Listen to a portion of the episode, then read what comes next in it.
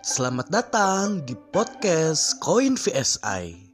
Koin VSI merupakan komunitas investor online yang dibangun oleh Valburi Sekuritas Indonesia. Dengan konsep trading saham zaman now, kita bisa tahu dan bisa mengerti apa itu konsep trading saham zaman now bersama podcast Koin VSI.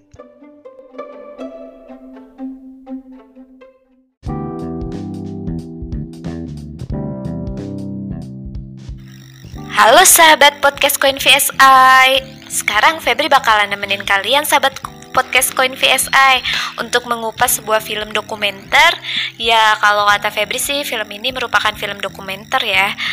Katanya sih terbaik seputar krisis finansial tahun 2008 lalu Atau bisa disebut 2008 Financial Meltdown. Nah, kalian ada yang ngerasain efek krisis keuangan 2008 gak sih? Menurut kabar yang Febri tahu nih ya, krisis keuangan tahun 2008 itu salah satu krisis terbesar.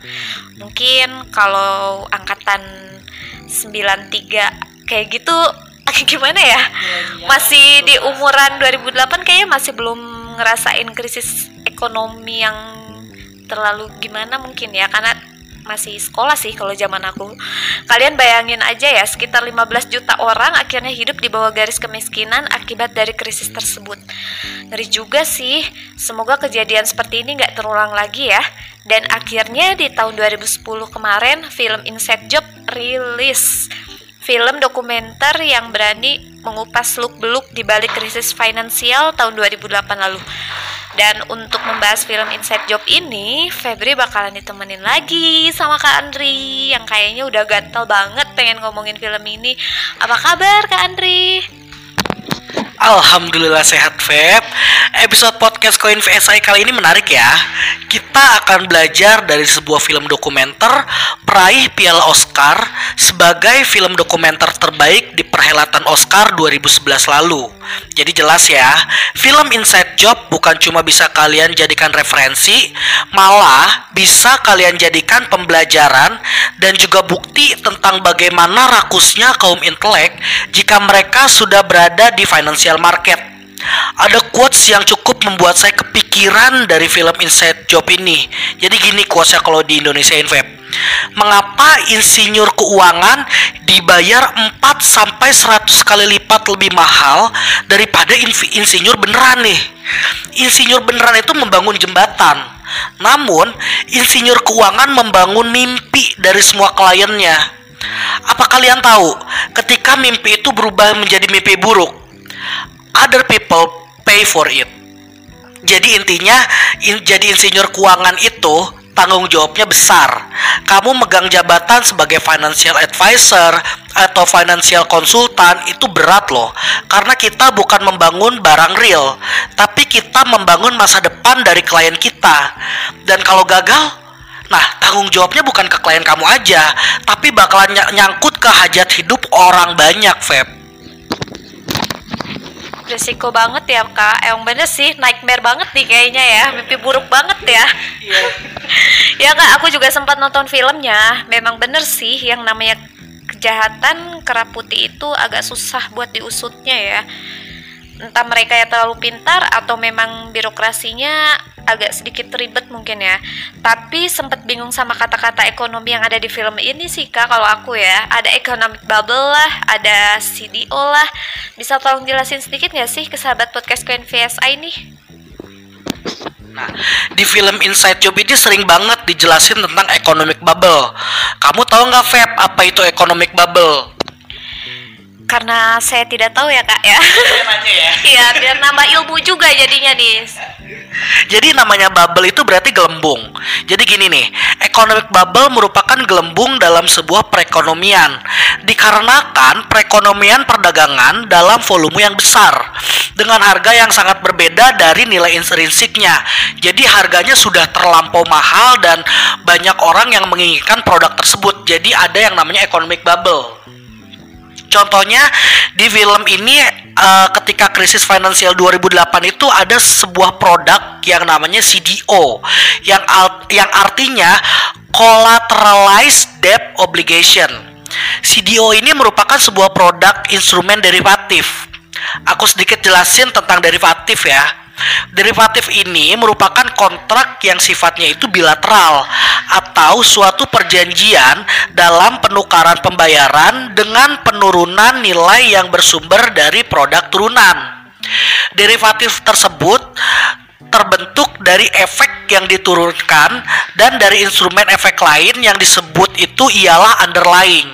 Jadi contohnya kalau produk derivatif itu di Indonesia kayak kalian trading forex atau trading komoditi di perusahaan futures itu namanya produk derivatif. Nah, CDO ini merupakan instrumen derivatif gabungan dari kredit perumahan, corporate buyout debt, car loans atau kredit mobil, student loans, pinjaman kepada uh, student dan juga kredit card debts yang dijual oleh bank kepada para investor di seluruh dunia. Dengan sistem ini, bank tidak lagi mengkhawatirkan apakah kredit perumahan yang disalurkan ke masyarakat akan dilunasi atau tidak, karena bank telah mendapat uang dari investor sebagai hasil penjualan CDO. Kredit perumahan pun akhirnya banyak diberikan pada orang-orang yang tidak sanggup melunasinya. Jadi uh, CDO ini ibarat kata kayak gali lubang tutup lubang gitu loh vape produknya. Jadi agak ngeri sebenarnya kayak kehidupan banget ya gali lubang tutup lubang gitu ya Oke kak, sekarang aku ngerti nih. Jadi awal mula terjadi krisis itu karena Amerika membuat sebuah instrumen pasar modal baru yang namanya CDO, yang artinya surat utang atau kalau kita sebut obligasi ya. Cuman skala pinjamannya itu perorangan yang ingin kredit rumah, sampai akhirnya terjadi economic bubble dan banyak orang nggak sanggup melunasi utangnya benar ya kak ya Betul. tapi memang nggak ada yang menganalisa dulu ya kak karena kan yang kita tahu kalau kita mau berinvestasi nih kita kan harus ada apa analisa ya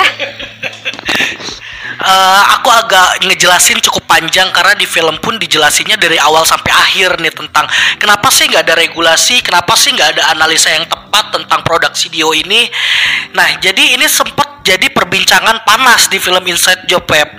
Semua produk instrumen CDO mendapatkan peringkat AAA, yaitu peringkat investasi teraman yang setara dengan obligasi pemerintah Amerika Serikat.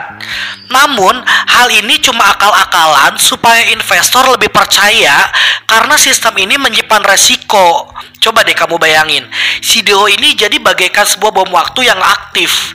Lagi-lagi nih ya, nggak ada regulasi yang dibuat oleh pemerintah untuk mengatur instrumen ini.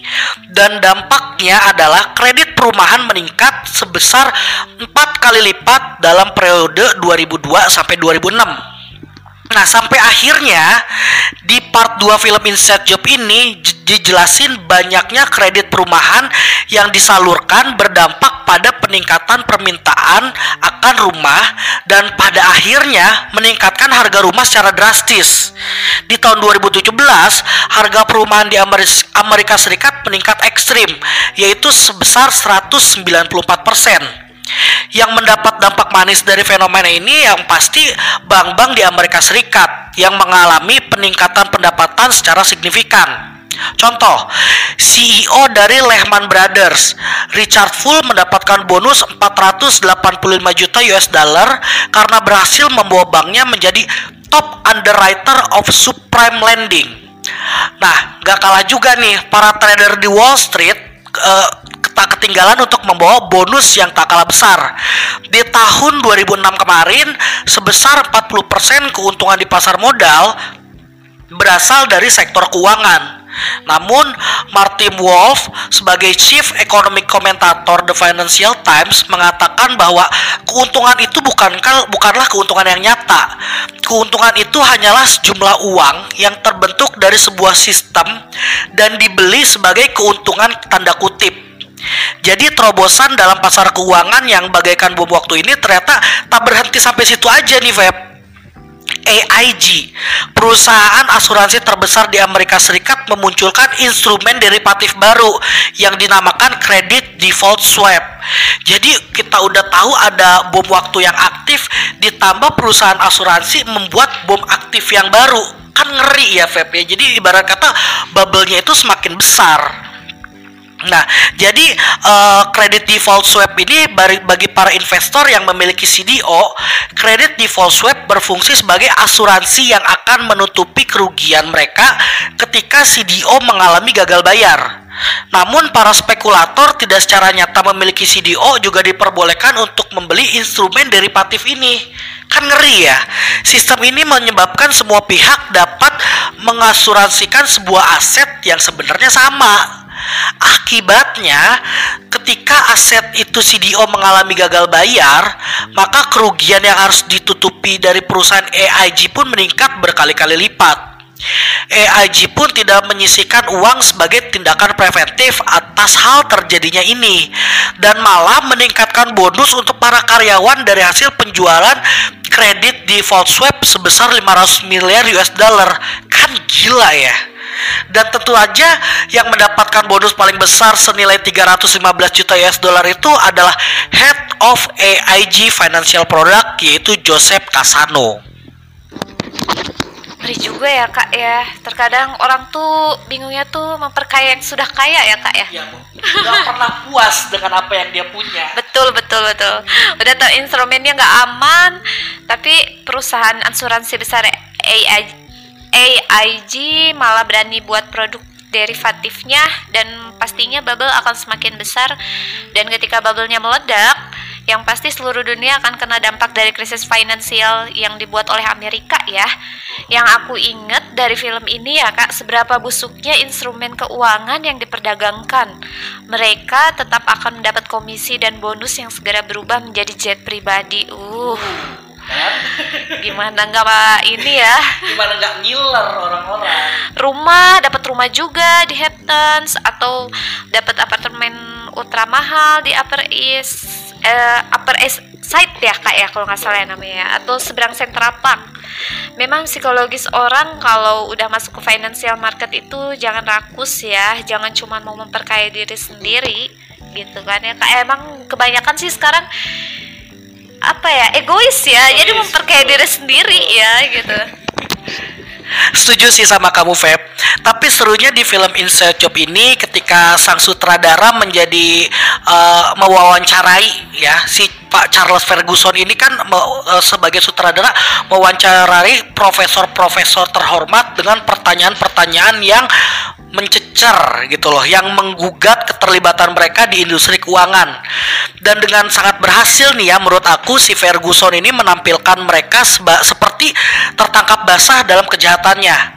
Dalam wawancara mereka banyak banget yang cuma diem tersenyum canggung atau bahkan marah-marah tanpa jawaban yang akhirnya menolak atau mengkonfirmasi tuduhan si sang sutradara tersebut Contoh, Profesor Ekonomi Harvard Martin Feldston, arsitek deregulasi ekonomi era Reagan yang kemudian menjadi komisaris AIG, hanya diam termangu ketika Charles Ferguson menanyakan keterlibatannya di sektor keuangan swasta.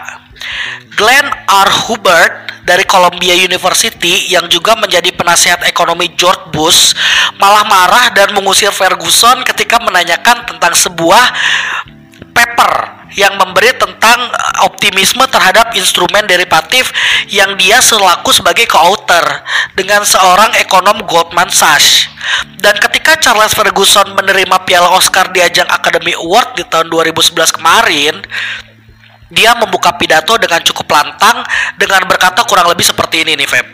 Saya mohon maaf karena mesti memulai pidato ini dengan memberitahukan bahwa tiga tahun setelah krisis ekonomi yang menggetarkan itu yang disebabkan oleh kecurangan massal tak ada seorang pun eksekutif keuangan yang dipenjara dan hal itu salah saya mes sih sama keberanian sutradara Inside Job ini yang dengan lantang menyuarakan hal-hal yang sebenarnya sangat sensitif di dunia perekonomian Amerika tersebut. Ya ya, kalau misalnya ngomongin tentang nominal juga kayaknya sensitif banget ya. Tapi jahat banget sih kalau misalnya nggak ada yang di penjara tuh, gitu kan keenakan banget jadinya ya. Seru ya kak kalau kita ngobrolin film yang benar-benar bisa sebagai bahan edukasi dan juga diskusi kayak gini nih. Karena belajar bisa dari media apa pun, termasuk film.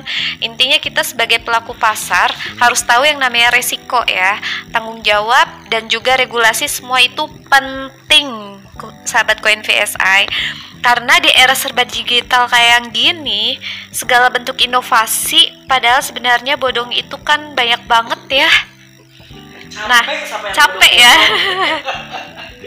nah kita juga harus banyak belajar dari film ini. Jika tahun ini Indonesia masuk ke dalam resesi setuju nggak sih kak? Kira-kira Setuju banget sih Feb. Jadi intinya kita sebagai selaku selak, apa pelaku pasar modal harus lebih kritis dalam dunia keuangan. Kalau menemukan produk yang nggak masuk akal, jangan mudah untuk tergiur. Kalau gagal bayar, siapa yang mau tanggung jawab? Di Indonesia kan udah ada contohnya tuh kasus jiwa, jiwasraya yang heboh kemarin. Ya untungnya di Indonesia diusut dengan cukup baik lah ya. Nah, buat sahabat koin VSI inget ya, investasimu adalah tanggung jawabmu. Jangan pernah sekali-kali mempercayakan produk investasi di produk yang nggak masuk akal. Kalau kamu bisa investasi langsung di pasar modal, malah lebih baik. Mau jadi trader saham atau jadi nabunger saham, itu bagus. Dan kita, Koin VSI akan membantu kalian yang masih pemula untuk belajar berinvestasi saham dengan konsep trading saham zaman now. Kalian tidak perlu takut karena Koin VSI akan membantu kalian dari nol. Atau nih ya, trader-trader senior kita juga ada namanya klinik saham dan belajar menganalisa saham bareng. Jadi kita sama-sama belajar untuk mendapatkan profit konsisten dalam pasar saham. Untuk informasi lebih lanjut, kalian bisa langsung mendaftar seminar online kita yang rutin diadakan setiap hari Rabu pukul 12 WIB dan Jumat pukul 15 WIB. Di seminar online kita bisa belajar bareng dan tahu konsep trading saham zaman now bersama Coin VSI.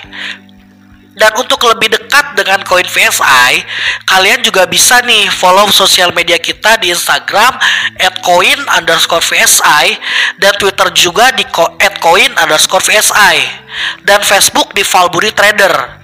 Dan ingat, ketika Indonesia masuk ke dalam resesi, jangan panik karena jika kita belajar yang namanya technical analis, kita bukan cuma bisa menghitung harga naik sampai berapa, kita pun bisa menghitung harga turun sampai berapa. Intinya kita bisa menghitung diskonnya ini bakal diskon sampai berapa persen sih. Intinya persiapkan amunisi ya dan trading plan yang kuat. Kita pasti akan selalu keluar sebagai juara. Betul banget ya, sahabat koin VSA itu didengerin tuh. Intinya persiapkan amunisi kalian ya untuk trading plan ya, jangan tebak-tebak buah manggis ya. tapi tapi jadi bocuan lagi. Iya ya gitu ya. Oke terima kasih informasi ya kak sangat bermanfaat dan juga in informatif. Buat kalian yang penasaran sama filmnya Inside Job, buruan kalian tonton untuk mendapatkan edukasi tentang uh, krisis finansial tahun 2008. Dan kalau mau kepoin apa itu koin VSI, kan dari tadi kan koin-koinan ya kak ya. yang belum ngerti nih apa koin VSI, jangan lupa follow semua sosial media kita ya. Facebook kita di Valburi spa, uh, Valburi spasi trader. Mm, Instagram Instagram dan Twitternya di @coin underscore VSI. Jadi Instagram dan Twitternya itu sama ya di @coin underscore VSI. Itu huruf kecil semua ya sahabat koin VSI. Dan kalau ada kritik dan saran bisa langsung email kita di coin.vsi@valburi.com. Febri bacain sekali lagi ya untuk email kita di coin.vsi@valburi.com. Oke sahabat podcast Koin VSI daripada lama, lama nih. Kalian kan kesel juga ya dengerin Febri berkicau-kicau gitu kan cuap-cuap terus kan. Febri pamit sampai jumpa di podcast Koin episode berikutnya. Have a great day sahabat podcast